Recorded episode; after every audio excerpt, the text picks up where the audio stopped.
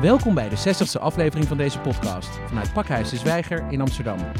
Mijn naam is Maurice Seleki en ik spreek met bestuurder, programmamaker en raadgever Felix Rottenberg, die op maandag 27 januari gast is in Pakhuis de Zwijger naar aanleiding van zijn nieuwe documentaire drieluik Terug naar de Akbarstraat. Welkom Felix. Welkom. Felix, in 2002 maakte je een documentaire Drieluik over de Akbarstraat in de Kodekitbuurt in uh, Amsterdam-West. Wijk die ooit te boek stond als de slechtste wijk van Nederland. Nummer 1 van de Vogelaarlijst. Bijna twintig jaar later keer dan terug voor deze nieuwe serie naar die wijk, uh, die in de tussentijd enorm is veranderd. Uh, je kijkt in uh, de nieuwe tweeluik terug naar de Akbarstraat, terug op die ontwikkelingen. ook deels met de bewoners van de, de, de wijk. Maar je kijkt ook terug op je eigen werk als programmamaker. Voor de luisteraars die Amsterdam niet zo goed kennen en ook de wijk niet zo goed kennen, kun je een beeld schetsen van de Codekit in 2002? Ik wil zelfs nog wat verder teruggaan. Dat mag ook. De Akbarstraat buurt, de Kolenkit buurt, is gepland voor de oorlog door een beroemde Amsterdamse stedenbouwer, Cornelis van Eesteren. Die is gereden, je moet je voorstellen, dat waren gewoon weilanden. Daar stonden boerderijen. Die A10 was er nog helemaal niet. Dat is nog veel later gekomen. De zogenaamde ring, hè, de, waar iedereen altijd over heeft. Ja. En toen is eind jaren 40, begin jaren 50, zijn die uh, nieuwe wijken gebouwd. Geuzenveld, Slotervaart. Uh, en en, en Nieuw Bos en Lommer. Hè? Want je had Oud Bos en Lommer aan de ene kant en Nieuw Bos en Lommer. En Osdorp.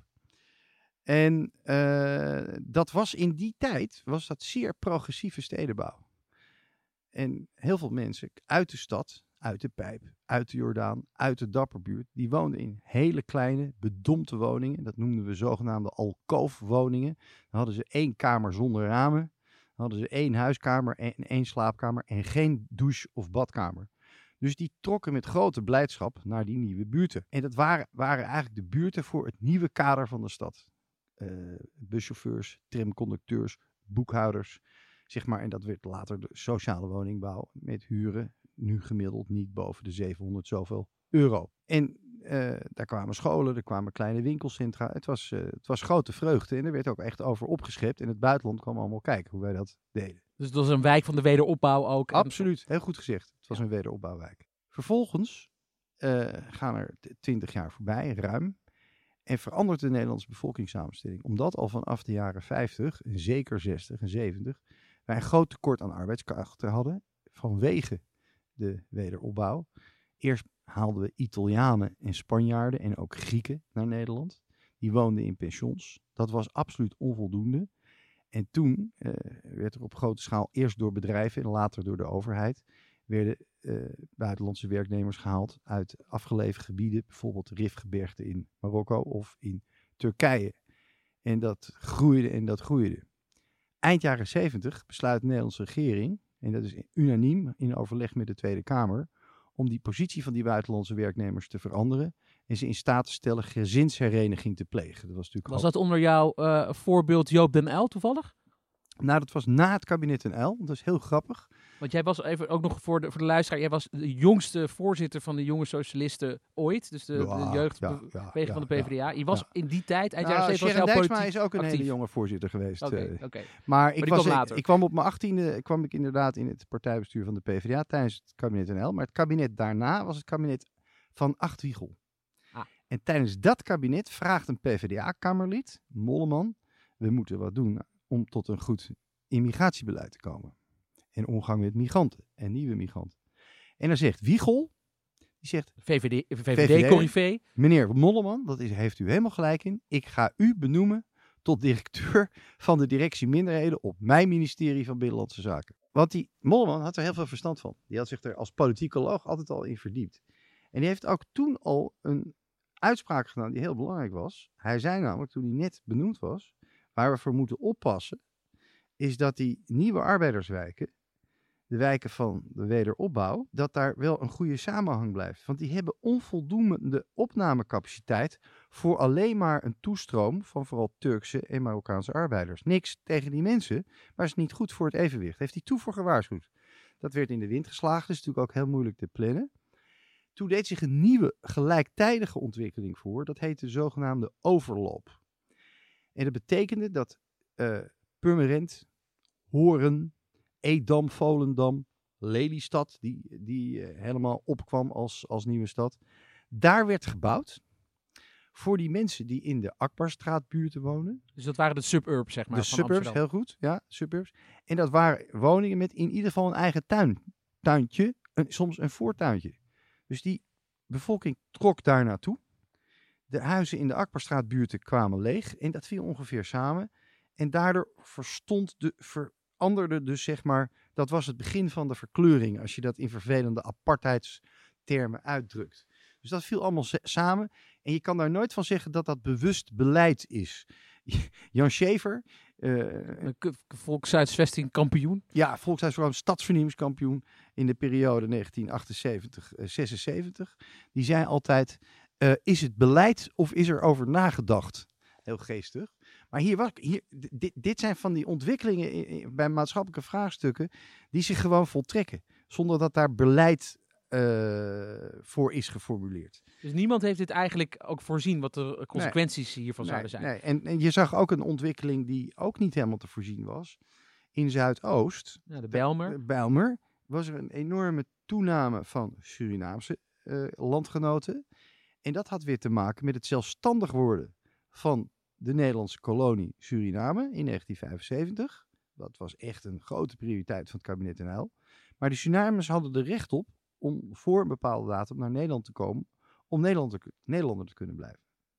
Dus de jaren zeventig zijn eigenlijk, want, want eh, inderdaad, Zuidoost, daar hebben we ook al eerder afleveringen over gemaakt. En dat, eh, dat heeft zijn eigen, maar wel vergelijkbaar eh, verhaal. Eh, maar de jaren zeventig waren dus cruciaal, ook voor de stad Amsterdam, voor de ja, Het zijn allemaal sleutel, sleutelmomenten. Ja, sleutelmomenten. Ja. Nou, heel interessant. En fijn ook dat je even deze, deze eh, horizon eh, hebt geschetst, die ook natuurlijk langer is dan, eh, dan de horizon van 2002 tot, eh, tot het eh, heden. Eh, maar daar heb je wel dus, eh 2002, daar begint jouw geschiedenis met die Akbarstraat. Maar eigenlijk eerder. Oh. Eh, eh, ehm, het, het was zo dat ik, eh, maar dat is een veel verteld verhaal, dus ik zal het heel kort houden. Maar ik, ik kreeg een chronische ziekte. Ik was voorzitter van de PvdA. Dan krijg je prednison, in die tijd een enorme hoeveelheid. Nou, als je dan niet in beweging blijft, dan, eh, dan word je tien keer zo groot. Dus mijn dokter had gezegd wandelen, wandelen, wandelen, wandelen. En toen dacht ik, ik ga West weer verkennen. Want ik was lang niet in West geweest. Op mijn lagere school in Amsterdam-Zuid had ik vriendjes wier vaders tandarts of huisarts waren in, zeg maar, die slotenvaartbuurten. En die woonden dan, die hadden huizen die gebouwd waren voor gezinnen met grote, grote gezinnen, met negen kinderen of acht. Want dan konden ze hun praktijk daar vestigen. En zo had ik die wijken leren kennen. En als je daar dan was, dan zag je nog het opgespoten land en met de dijken die daar waren neergelegd. Nou, want dat is inderdaad... eh, En, en, en, en toen was dat was dus in 2000. Ja. En toen heb ik, eh, ik had een soort verbinding met, eh, met de NPS. Dat was de voorganger van de NTR. En toen heb ik Karel Kuil, die daar hoofddocumentaires was, heb ik dat plan voorgelegd. Van ik wil me hier terugtrekken voor een lange periode. Ik wil onderzoek doen, misschien wel zes maanden, zonder dat de camera's draaien. En die man heeft het heb je daar ook trouwens lokaal dan zich terugtrekt? Heb je daar echt even... Ja, we hadden daar een om de, om Tent de- opgeslagen. we hadden op de hoek van Opgezet. de Akbarstraat Jan van Schaffelaar plantsoen. Eh, vlakbij het tunneltje naar eh, dat nu, wat is nu een hotel in dat blauwe gebel met toen stadsdeelkantoor. eh hadden wij, stond een drogist leeg. En toen ben ik naar Stadsgenoot gegaan. Ja, woningcorporatie. Dat heette toen nog het Oosten, van origine een verzuilde katholieke woningbouwcorporatie. En toen heb ik er daar een van de directeuren aangesproken. En toen heb ik een deal kunnen maken dat we dat voor een laag bedrag konden huren voor een lange periode. En ik sprong een gat in de lucht, want ik dacht met deze ruimte kunnen wij werken aan een vertrouwensband met de bewoners in de buurt. Dan heb je echt een uitvalbasis Juist. voor langere tijd. Ja, mensen weten je te vinden. je Ja, hoeft ook niet exact. Maar heel interessant eigenlijk, want dit is dus, je hebt dus eh, de, de wijk al in je jeugd leren kennen. Ja. Toen die dus nog heel anders eh, qua samenstelling was. Je komt in 2002 daar weer terug. Die is inmiddels dus ingrijpend veranderd. En nu eh, ben je later, twintig jaar later, weer teruggekomen voor de derde grote verandering. Nog even naar 2002, want dat was mijn eerste vraag. Hoe zag die wijk er toen uit? Ja, ehm, ik kwam daar en ik eh, was gefascineerd, want eh, je ziet allemaal bijbelse taferelen in de bouw van die, eh, van die flats. Bijbelse taferelen? Ja, klein uitgehakt, gewoon. ver- ver- personen die verwijzen naar bijbelverhalen, katholieke verhalen. Oh, oh, letterlijk. Oh, het is geen ja, ja. metafoor. Ik, ik zag nee, nee, nee, nee, nee. Gewoon heel klein zo. Hè? Dus even voor de luisteraar eh 10 centimeter, gewoon boven de deurportiek. Eh, het waren zogenaamde portiekflats. Ehm, ik, vond, ik vond het mooie woningbouw van, als je gewoon je voorstelde hoe dat in de jaren eind 40, 50 gegaan is. Maar tegelijkertijd wa- zwaar verwaarloosd. Zwaar verwaarloosd. Ik vond het ongelooflijk vuil daar. Overal stond vuilnis niet opgehaald, papier, grote rotzooi. Eh, je proefde gewoon verwaarlozing. Verwaarlozing door de instanties. Ik vond dat de schoolgebouwen er eh, niet goed bij stonden.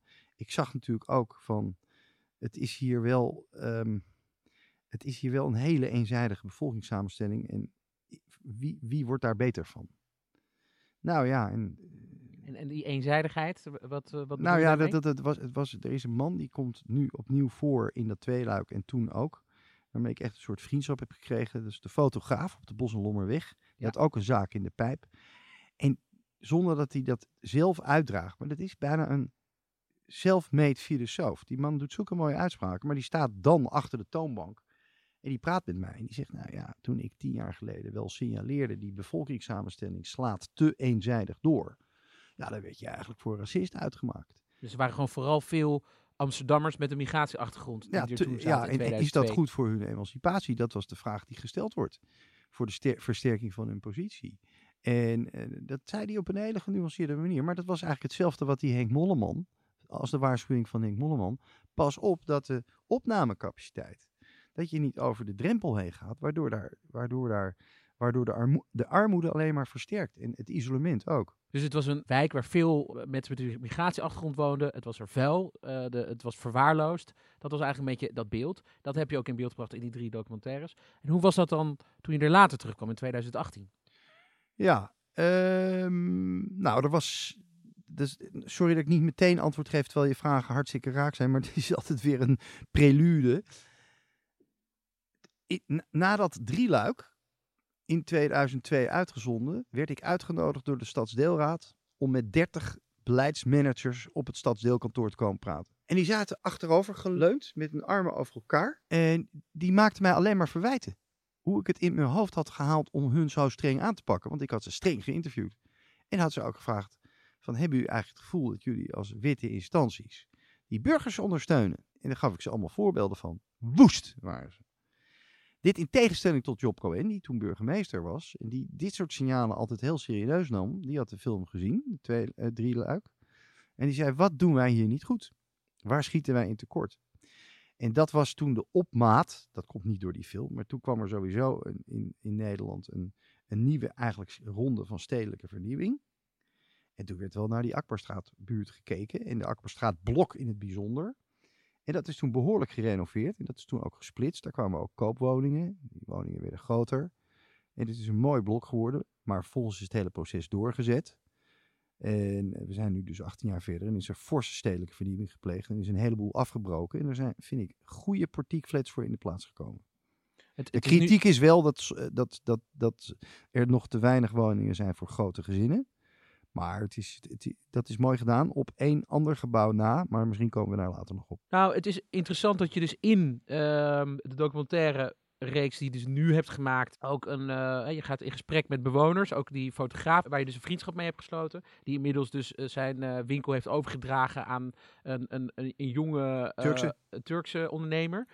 Ehm, maar het is nog steeds een fotowinkel. Maar je je praat ook met cultureel antropoloog Sinan Sankaya. Eh, en die, Die woont daar trouwens. Hè? die, die woont er ook, is ook een bewoner inderdaad. Eh, ook trouwens eh, regelmatig gast hier in Pakhuizen Ik heb Zwijger. begrepen dat hij een hele populaire gast is. Ja, zeker. Zeker Ja. een populaire gast. Jij bent hier trouwens ook een graag geziene gast als je er bent.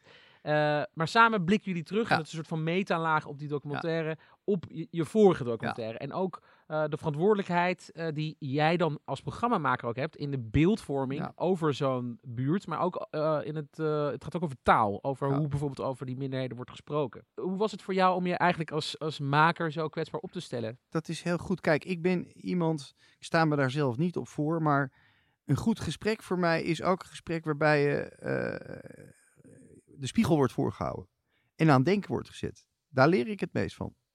Alleen maar eh, heen en weer eh, converseren. Dus, dus, dus zijn kritiek was, daar was ik het voor een deel echt wel mee eens. Jullie vorige tweeluik, daar hebben jullie de kern van de problematiek, namelijk die is sociaal-economisch. Dus je zou kunnen zeggen, dat is bijna een marxistische uitgangspunt. Maar daar is niks op tegen. Het sociaal-economisch isolement van die buurtbewoners in die buurt, dat hebben jullie echt veel te weinig benadrukt. Jullie hebben heel erg de nadruk gelegd op, de die etniciteit. op de etniciteit en die sociaal-culturele achterstand. Dat was natuurlijk niet helemaal waar, maar ik had mezelf ook voorgenomen, dit wordt geen discussiefilm. Geen debatprogramma. Er zijn al genoeg discussietjes in die talkshows, et cetera. Dit is meer een, klinkt heel pretentieus, een antropologische manier van kijken. Gewoon vragen stellen, luisteren. Vragen stellen, luisteren. En op basis daarvan een aantal conclusies trekken. Is dat ook wat jij op de sociale academie hebt geleerd? Ja, daar heb ik arbe- arbeidsverhouding gedaan. Ik heb ook nog een korte tijd politicologie gestudeerd. Ik heb meer in de Bali geleerd. Hè. Ik heb de Bali opgericht in 1982. n- Nadat ik eh, van Huub Oosterhuis de populier had geërfd. Daar heb ik dat echt groot gemaakt. Wij waren het eerste debatcentrum in Amsterdam. En er was, je moet je voorstellen, in die jaren zeventig waren er heel veel actiegroepen met grote bijeenkomsten in Krasnapolski. Dat was een beroemde plek, een zalencentrum. Maar er was geen debatcentrum. Wij waren het eerste debatcentrum. Dat is dus nu bijna 40 jaar geleden. En dat heb ik daar echt geleerd. Over maatschappelijke vraagstukken. En het is nu echt geweldig. Amsterdam, er is geen stad in de wereld. Heeft straks bijna acht debatcentra. Of plekken waar een dialoog plaatsvindt, zoals ja. eh, hier dan in Pakhuis. Maar Ja. zeker, er is een ecosysteem ontstaan voor dat publieke gesprek. Ja, ja, ja. Mooi dat, dat, dit, dat dit, eh, deze podcast ook meteen een soort van eh, geschiedenisles Ja. is. Eh, in recente geschiedenis. Dat zullen zeker de, de millennials en zillennials die naar deze Ja. podcast luisteren kunnen waarderen. Ehm, als we weer teruggaan naar die, eh naar die kolenkitbuurt. Ehm, je, je geeft ook aan van hey, die witte instanties die, eh, die, die hebben daar een bepaalde verantwoordelijkheid. Eh, een extra verantwoordelijkheid ook. Is, is het inderdaad met name aan de wooncorporaties, de gemeentes en aan, aan, aan dat soort aan zorginstellingen waar, de, waar het verwijt aan gemaakt kan worden, zeg maar? Waar het om- Ja, ik vind, ze niet mis? ik vind ze niet inventief, ik vind ze niet creatief. Ik denk dat ik er het een en ander van af weet, in mijn peri- maar je, je weet nooit voldoende en je weet nooit genoeg. Maar ik heb wel veel gezien. En eh, een het belangrijkste deel van mijn vak is eigenlijk analyses maken. En toen ik Partij van de Arbeid voorzitter was, toen had ik, heb ik het hele systeem van werkbezoeken omgegooid. Anders dan eh, had je een paar gesprekken en een eh, ontmoeting met leden. Dus ik ging een hele dag naar één stad. En ik nam gewoon zo'n afdeling of zo'n stad bij de hand. En dan, dan ging ik naar een wijk toe. Die haalde ik eruit. En vaak de, de één na kwetsbare wijk. De kwetsbare wijk krijgt net voldoende aandacht. Maar die één die, die na kwetsbare niet. En dan sprak ik daar met de opbouwwerker, als die er nog was. Met de buurtagent, als die er nog was. Met een actieve minderstander, die het heel moeilijk had.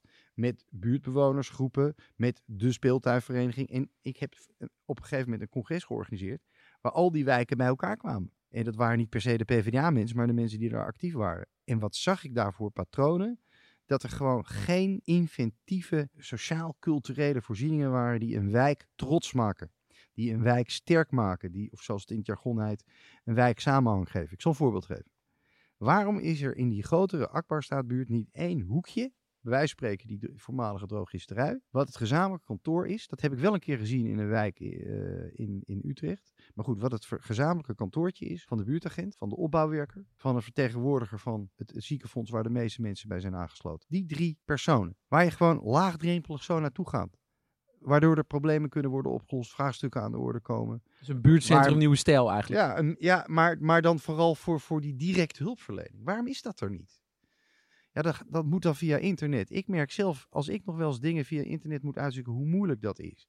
En, en met name mensen met een taalachterstand of oudere mensen is dat heel lastig. Die hebben, hebben behoefte aan dat directe contact.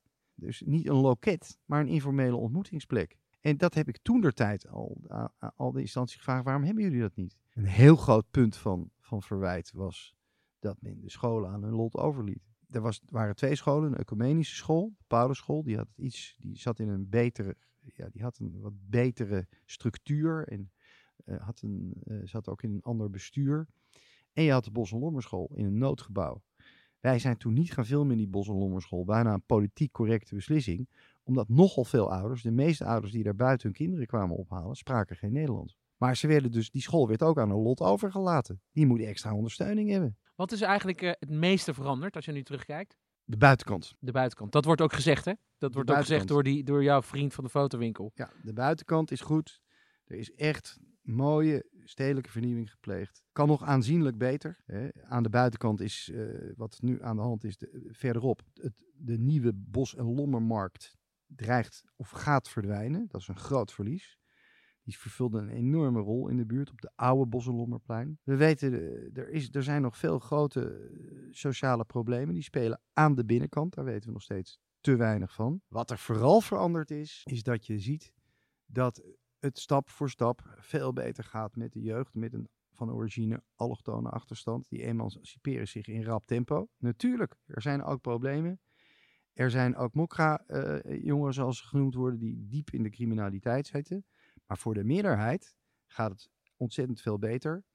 En uh, zie je het nieuwe kader van de stad uit die groepen ontstaan. Dat is hoopvol eigenlijk. Ja, en er is ook een grote veerkracht. Hè? Er zit een hoofdpersoon in de film, Habil. Ja. Uh, die tijdens dat we de film aan het maken waren, dus die tweede tweeluik, in een zeer waanzinnig, krankzinnige situatie terechtkomt met zijn vrienden. Want zij worden, uh, over, ja, worden gearresteerd door een antiterreurbrigade op een op een hele zware manier. Terwijl ze onschuldig waren. Ze waren, dat bleek sowieso na afloop. En, maar dat is na afloop helemaal niet goed afgehandeld. Maar de veerkracht van die Habil, die natuurlijk een groot trauma opliep, wat mij ook zou zijn overkomen. Zou niet anders zijn hoor. Die nu gewoon weer zijn, die nu zijn eigen loodgietersbedrijf heeft opgericht. Eigen bus heeft gekocht. Neem mijn pet vooraf. Dat heb je trouwens niet laten zien in de film, dat het, dat het zo goed afloopt weer met hem. Of was dat nou ja, dat, dat, dat, dat, was daarna, ja. ja. Hij heeft vooral zijn verhaal verteld, maar hij zag er alweer goed uit. En uh, hij, hij, is ook een kleine, of een kleine, hij is ook een autodidact filosoof. Zoals hij zijn moeder beschrijft. Dat is een gedicht. Heel ontroerend is dat. Dat is heel ontroerend. Wat, wat, beschrijf je moeder eens, vraag ik. Mijn moeder, dat is aarde. Dat is water. Dat is bos, bomen. En nu gaat hij dus van de week met zijn moeder naar de film kijken. Dan moet hij het voor haar vertalen. Maar hij is heel benieuwd hoe zij het uh, vindt. En ik ben ook heel benieuwd hoe zijn moeder het vindt. Felix, waar woon jij zelf eigenlijk? Ik woon in het centrum. Uh, ik ben een echte centrumbewoner. Ik woon rondom het Amstelveld. Uh, ik heb ook in Zuid gewoond, in de beroemde Wolkenkrabber. Ik ben geboren op de Nieuwe Keizersgracht. Ik ben kind van Nieuw-Zuid. Het, het rijtje waar wij woonden kwam uit op nog op het opgespoten boerenland.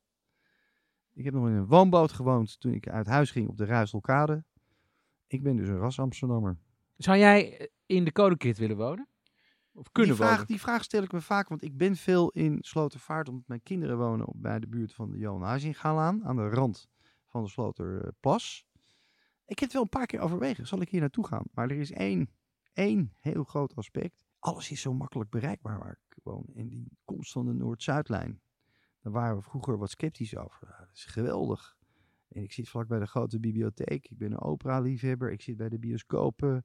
Ik zit bij, bij de zaterdagmarkt van de Nieuwmarkt, waar ik graag kom.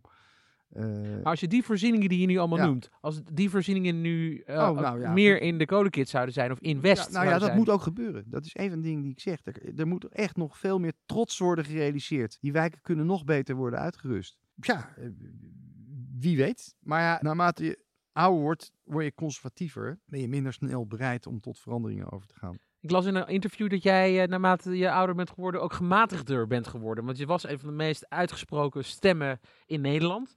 In het publieke gesprek. Maar je, je, je schijnt steeds gematigder te worden. Maar je vindt dat ook een vorm van opstand. Mooi gezegd. Uh, zo, heb je zelf eens een keer de Groene ja. Amsterdammer gezegd. Ja, klopt. Heb je, heb je goed gehaald. Nou, kijk. eh, ik denk met, met het strijker der jaren ehm, hoor je dingen waarvan je denkt, dat heb ik al eerder gehoord. En een, uitgangspunt bij mij is wel, ik wil steeds geprikkeld weer worden. Ik wil blijven leren. En als ik in situaties kom van gesprekken, bijvoorbeeld in talkshows, waar vrij oppervlakkig heen en weer wordt gepraat, dan, dan, ja, dan neemt mijn belangstelling af. Dus kijk, ik ben een fan van De Wereld Draait Door. En ik ben een grote fan van Matthijs van Nieuwkerk. Maar ik hoef daar niet meer bij te zitten. Ja, jullie waren ook co-presentatoren van Ja, Nova, onder ja, andere. ja, Nou, zijn hij is- bevriend. Hij is berengoed gewoon. Een poosje geleden had hij, eh, niet zo lang geleden, een uitzending met, met die mevrouw die, eh, die in Ravensbroek heeft gezeten. En die daar een boek over heeft geschreven. En er wordt gewoon een uur lang in zo'n veel bekeken programma met zo'n vrouw gesproken. Of met deze dame gesproken. Dat is zwaar ontroerend. Maar goed, daar kijk ik graag naar achteraf. Raakt dat jou trouwens ook in het bijzonder vanwege de geschiedenis van jouw eigen Joodse familie, waarvan een groot deel ook in de concentratiekampen in de Shoah is Je vermoord? hebt altijd door die geschiedenis eh, een grote alertheid daarvoor. Mijn zuster en mijn nicht hebben een prachtig boek geschreven over onze Russische, Russisch-Poolse grootvader. eh, die eh, in de jaren dertig een Amerikaanse sigarenfabriek heeft gekocht. En daar de meest idiote, maar hele begrijpelijke avonturen mee heeft beleefd. En wat een eh, hele belangrijke man was. Ik had overigens ook een Oostenrijkse opa, een Weense opa, die coupeur was. En die mij heel veel heeft geleerd in het observeren van mensen. Dan gingen wij eh, op vanaf mijn tiende, twaalfde, veertiende gingen we naar de, Ro- eh, de Rode Leeuw op het Rokin tegenover de Bijkorf. En dan gingen we daar zitten. Ik was de eerste keer verbaasd. En dan bleven we daar drie uur zitten. En dan zei ik, wat doen we dan hier nu? Mensen kijken. Gewoon kijken. Nou, op, een gegeven moment kreeg je er ook een glas eh, martini bij. Dus heb ik martini leren drinken. En een bitterballen. En na afloop dan gingen we nog cappuccino's met spek eten. Of naar de film. Maar die heeft me heel erg geleerd te kijken. Want er gebeurt zoveel. Wat niet gepland is. En naar persoonlijkheden. En hij was natuurlijk coupeur. Dus hij kleer, kle- en kleermaker. Dus hij kleedde mensen. En dan stond hij met ze in de spiegel. En dan observeerde hij ze.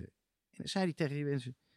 U bent een mooie man, zei hij tegen een man. En dus- dan zei die man met een traan in zijn oog, dat heeft nog nooit iemand tegen me gezegd. Het was een een ongelooflijke mensenman. Ben jij dat ook?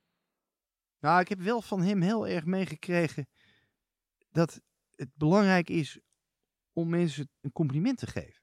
Niet geforceerd natuurlijk. Maar er, ik sprak laatst iemand, die is, die is GGZ-arts. Of wat, wat, jeugdarts.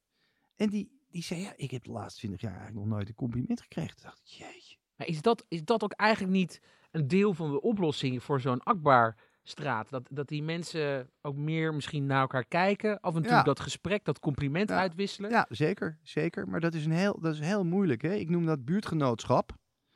Je hebt een vreselijk jargonwoord, dat heet burgerzin. Ja, daar kan ik niks mee. Maar je bent met elkaar... Kijk, je hebt je familieleden. Je hebt je vrienden. Je hebt je collega's. En de vierde categorie is... Je hebt je buren. Je hebt je buurtgenoten. En ik herinner me van mijn jeugd... dat ik allemaal mensen... ik kan ze nog uittekenen. Daar leefde je mee in een buurtje van drie, vier, vijf straten. En ja, die Beter zeggen, een goede buur dan een verre vriend. nou ja, dus die zeg je goeiedag. Daar praat je eens mee. Of je helpt elkaar, of je leent een nijptang uit, of, of, of wat dan ook. Dat is natuurlijk door, zoals dat ook in het jargon heet, door de individualisering afgenomen. Nou, er zijn sommige buurten, dat heette dan in, Rotterdam het opzomeren, waar er allemaal activiteiten werden georganiseerd. Maar ja, een jaarlijkse, een jaarlijkse grote gro- straat afsluiten en, en een enorme eh, tafel, ja, dat is prachtig. In Franse dorpen zie je dat ook. Dan zijn het de Algerijnen en de Marokkanen. Die, die roosteren ehm, het lam. En dan wordt er gezamenlijk gegeten. En zo zijn er natuurlijk meer dingen. Maar daar moet je ook als stad, als, als stadsdeelbestuurders, die helaas macht hebben verloren, als coöperaties, daar moet je voorzieningen voor verzinnen. Maar ze hebben die coöperaties aangepakt. Die hebben ze aan banden gelegd. Die kunnen daar niet investeren. Die mogen daar geen geld aan uitgeven. Ook door de huurdersverheffing hebben ze het lastig Ja, gehad. Heel Ja. goed, ja. En, eh, en Felix, ehm, het, het interessante is dat je, je- schetst een aantal dingen waarvan je eigenlijk bijna één op één eh, zou willen dat het morgen wordt, Ja. eh, wordt geïmplementeerd. Maar is er naar jou, in jouw optiek, eh, ook om dat kijken er weer bij te halen, is er één hele concrete oplossing die Rutger Groot-Wassink, als hij luistert, of eh, een andere wethouder in Amsterdam, morgen kan toepassen? Is er nog een soort quick win? Nou, nee. Want je refereerde net aan dat gematigde. En, en er is geen quick win. Je moet vooral echt met elkaar, ook als college, over een periode van vier jaar heen kunnen denken. En je moet veel intensiever nog met elkaar samenwerken. Het moet, het moet met elkaar samenvallen. Eh, ik vind wel dat de buurten in West en Oost, maar ook in Noord, een hoger voorzieningenniveau eh moeten hebben En dan heb je het over cultureel onder andere. cultureel, maar ik heb het ook over de scholen. Er worden echt, de gemeente gaat daar namelijk over. Er, er is de laatste jaren is, is enorm goede scholen zijn er gebouwd. We hebben ook fantastische architecten in Nederland die dat echt kunnen als geen ander.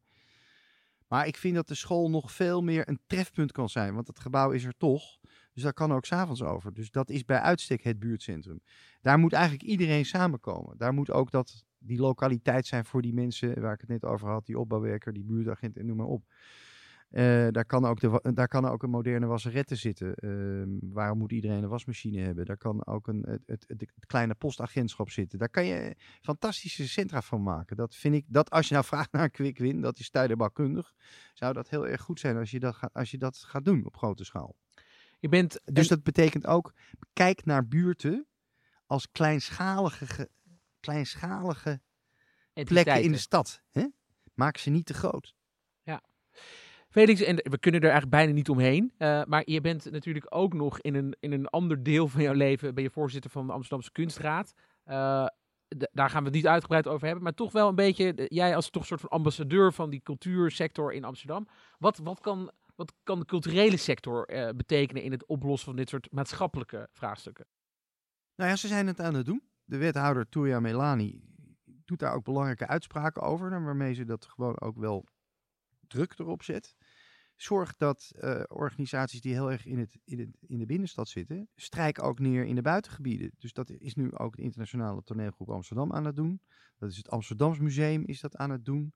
Eh, Pakhuis de Zwijger zit bijvoorbeeld ook in Nieuw-West. ja, ja, heel goed. Eh, niet in Zuidoost? In Zuidoost. Dus, dus kijk naar de andere plekken in de stad. En ben daar actief. En eh, breek die, eh, die netwerken daarover. Wat ik overigens een vreselijk eh, woord vind. Maar, maar ben aanwezig daar waar je normaaliter niet aanwezig bent. Kijk, ik kwam uit een milieu waar je op jonge leeftijd met je ouders naar het museum ging. Of naar de Schouwburg. Of naar, naar weet ik veel wat. Dat is natuurlijk in wat eenvoudiger gezinnen. Ligt dat niet voor de hand. Dus zoek ze op. Nou, dat is een hele mooie oproep. Ik dacht dat er meer zou komen. maar ja, zoek ze op, oké. Ik wil nog, heel, eh, nog een paar vragen stellen. Felix, we hebben het eh, net even gehad. Hij kwam al voorbij. eh, Joop den Uyl, icoon van de Partij van eh, de Arbeid. Heel veel mensen van jouw generatie weten nog precies wie die is. Jij kende hem ook heel goed en met hem samengewerkt. Was een voorbeeld. Je hebt zelf ook in die politiek gezeten als partijvoorzitter met eh, Ruud eh, Veeman eh, in, in de jaren negentig. Wat kan de politiek hier nu nog in doen? Dus is, er nog, is er nog een speciale verantwoordelijkheid voor een partij bijvoorbeeld als de Partij van de Arbeid? Oh zeker, oh zeker. Kijk, politieke partijen, vooral de volkspartijen, CDA, VVD, Partij van de Arbeid, die hebben gewoon vanaf de wederopbouw, en dan heb ik het niet over wat zij gedaan hebben aan het leggen van de basis daarvoor, voor het volk. Dat werd vroeger gezegd, het gewone volk. Ja, dat is, die term gewoon is geen prettige term. Maar voor het volk, hun achterban. Dat waren toen de verzuilde achterbannen. En die moeten die verantwoordelijkheid nog steeds nemen. Nou ja, ik heb het toen straks al hebben we het daarover gehad. Nummer één, zorg dat een geweldige, geweldige institutie in Nederland, de woningbouwcorporaties, waar de hele wereld 20, 30, 40 jaar geleden naartoe kwam kijken van wat doen die corporaties, dat kende men helemaal niet, dat model. Zorg dat die weer vrij baan kunnen maken. Zorg dat die kunnen investeren in wijken. Zorg dat ze scholen kunnen bouwen. Zorg dat ze niet beperkt worden in hun functie. En zorg dat ze financiële ruimte hebben. Dat moet nu echt, zo bij een nieuw kabinet moet dat bovenaan de agenda staan. Want wat zijn eigenlijk, als we toch een beetje eh, de worst case scenario erbij halen. Wat gaat er eigenlijk gebeuren? Want eh, een van de vaders op het voetbalveld van Turkse komaf, die zegt van ja, wat er ook gebeurt, eh, hoeve- hoeveel ik ook integreer, ik word toch nooit helemaal erkend als, als, als een Nederlander. Dus als jij hem dan vraagt, maar hoe zie je jezelf dan? Dan zegt hij eigenlijk ja, als Turk. Waar gaat het naartoe als we niet slagen in die integratie, waar alle groepen zich ook eh zijn nang bij voelen? Het is een heel ongemakkelijk proces. Dat heb je ook. Je hebt de film, je hebt echt de moeite gedaan om hem helemaal te bekijken. En ik geloof zelfs een deel van het andere drieluik. Dus het is een schurende, ongemakkelijke film. Maar ik, ik zelf vond toen ik hem uiteindelijk na zoveel keer weer terugzag, ik vond dat hoop bij mij het meest resteerde en, en overbleef. En dat heeft te maken met veerkracht. Je ziet toch, hè, of het nou die Habil is die die traumatische ervaring heeft. Je ziet het bij eh, Je ziet ook bij die groep die allerlei oefeningen doen. eh, in, ja, ja. Dat, is een, dat is een heel mooi onderdeel wat je echt moet zien. Want als je het vertelt, dan kost het te veel tijd. Maar het is een soort therapiesessie, zowel van Marokkaanse en Turkse mannen als, als vrouwen. Waar ze gewoon stilstaan bij hun eigen, soms verborgen identiteit. Ja, ik, ik ben... Maar goed, dat klinkt, dat is dan zo'n zo'n naïeve, hoopvolle sociaaldemocraat. Maar uiteindelijk... uit zie- de grachtgordel. ja, kan je ook nog zeggen, ja. Vreselijke term. Eh, ik, ik, ik, na twintig jaar en ook de jaren daarvoor, zie ik toch stap voor stap ontwikkelingen Waardoor je niet kan zeggen dat gaat in Nederland, kachelt het achteruit. Maar dat kan er niet zonder een grote alertheid en inzet van de gemeenschap. En dus van bestuurders, instanties, organisaties, etc. En ehm, eh, die film is straks te zien op televisie, nationale televisie, maar hij wordt ook op verschillende plekken al Ja, eh, dat is eh, ongelooflijk. Er voorvertoond. is een enorme belangstelling voor. Hij wordt wel op honderd plekken navertoond, voorvertoond. En jij komt ook binnenkort flink in allerlei media, in allerlei kranten. Dus Ja. er is heel veel aandacht voor deze film. Wat hoop je dat de impact gaat zijn van deze nieuwe reeks? De impact de vorige keer bleek, dat bleek nu, was poe. Met name bij Amsterdammers die niet zoveel in die wijken kwamen. Dit kan niet. Wat een verwaarlozing. Hier moet echt aandacht aan besteed worden. Dit mag niet. Dit kunnen onze collega-burgers niet aandoen. Dat was de impact toen. Nu is de impact, het kan nog altijd veel beter. Hoop ik. En over twintig jaar, want eh, je bent, Ja, je ben bent ik eigenlijk 82. Ja, je bent eigenlijk eh, eh, nog een, een jonge man. Zeker met, eh, met, de, met eh, de vergrijzende staat van de Nederlanders. worden allemaal eh 90, 100 jaar oud. Dus over 20 jaar eh, zien we natuurlijk graag een vervolg terug. Als je een soort van toekomstbeeld zou mogen schetsen. Hoe hoop je dan dat die Akbarstraat er dan uitziet? dan hoop ik dat eigenlijk het onderscheid dat, het, dat iedereen zich Amsterdammer voelt. En dat je niet zegt, oh, wat is eigenlijk jouw voorland? Was jij Marokkaan of Turk of jouw opa of jouw oma of et cetera? We zijn allemaal Amsterdammers. En dat je eigenlijk graag in Nieuw-West bent. Want in Nieuw-West zijn weer voorzieningen die we niet kennen in het centrum. En dat de scholen er heel erg goed zijn. En dat de kinderen gewoon een- een goede weg vinden. En dat Amsterdam een ongedeelde stad is. Dat is een heel belangrijke term, een ongedeelde stad. Want wat dreigt natuurlijk is dat door die enorme druk van internationale eh, reizigers, van het Europese vrije verkeer, wat op zichzelf een heel goed recht is. Dus iedereen kan zich hier vestigen als die Europeaan is. Er zo'n grote druk op de woningmarkt staat en komt, dat er een tekort is, een groot tekort is aan woningen. Jonge Amsterdammers die het kader van de stad vormen, hier kunnen wonen en met plezier wonen. En dat, dat, dat, dat zit nu echt, eh, daar zit nu een enorme spanning op. Wordt wel wat door gedaan hoor. Ook dus recent gisteren door wethouder Evans een maatregel genomen om eh, dat nieuw te bouwen huizen niet mogen worden doorverhuurd. Het buy to let. Maar dan blijft nog steeds dat een heleboel andere woningen, dat het daar wel kan. En die druk voel je natuurlijk. Hè? Die, eh, dus de ongedeelde stad, dat is een topprioriteit. En dan die, die, die nieuwe generatie van Amsterdammers. Die, die misschien nu struggelen met het vinden van een huis. Terwijl ze hier zijn geboren. eh, die nu ja, zich zorgen maken of ze in die stad kunnen, kunnen blijven wonen. De Habiels misschien wel, maar ook de Nou Maartens ja, van zeker. Habiel woont bij zijn moeder. Waar moet hij gaan wonen? Dat is echt een vraag die nu speelt. Ja, een heleboel taxichauffeurs. Ik, ik rij of fiets. Nee, ik loop heel veel. Ik fiets. En als het regent neem ik een taxi. Geen Uber. Neem ik gewoon taxi. En dat zijn taxijongens die zijn aangesloten bij TCA. Maar dat zijn eh, Turkse en Marokkaanse chauffeurs. Dat zijn grote vrienden van mij. En die kennen de stad heel erg goed. En die zitten, hoeft dat niet in te tikken. En dat is voor mij altijd heel belangrijk. Dat je gewoon weet waar je komt. Hè? Hoe je daar komt. En niet op dat ding, eh, dat, eh, dat Google dingetje. En die zeggen, die hebben, dat zijn jongens van 26, 27. Die hebben de grootste mogelijke moeite om een huis te vinden. En als jij dan als, want je bent ook vader, maar je bent voor, voor sommige mensen ben je ook een soort vaderfiguur. Als jij dan als vaderfiguur van al deze Amsterdammers een soort stichtelijk laatste woord mag richten als je nu luistert, wat zou je kunnen doen om je situatie te verbeteren in deze stad? Nou, ik, ik heb een enorme hekel aan paternalisme, dus ik moet ontzettend oppassen. Maar ik, wat ik wil zeggen is, haal alles uit je opleidingsjaren. En zorg dat je omringt met mensen. Zoek ze anders op als je ze niet kent of vraag anderen eh, om je te adviseren waar je goed in bent. En hoe je, hoe je gewoon de beste diploma's kan halen. En vooral dingen kan leren. Dat, dat, ik- dat- ik, ik heb zoveel mazzel gehad dat mij de weg is geweest. En dat ik advies kon krijgen. Dat is ook bij die op, hele ontwikkeling van die Bali. Dat was niet mogelijk geweest als ik niet allemaal mensen om me heen had met heel veel ervaring. Maar daar, dat, dat moet je leren. Hè? Dus, dus dat, dat, dat is zoek je weg en, en, en, en hou daar niet mee op.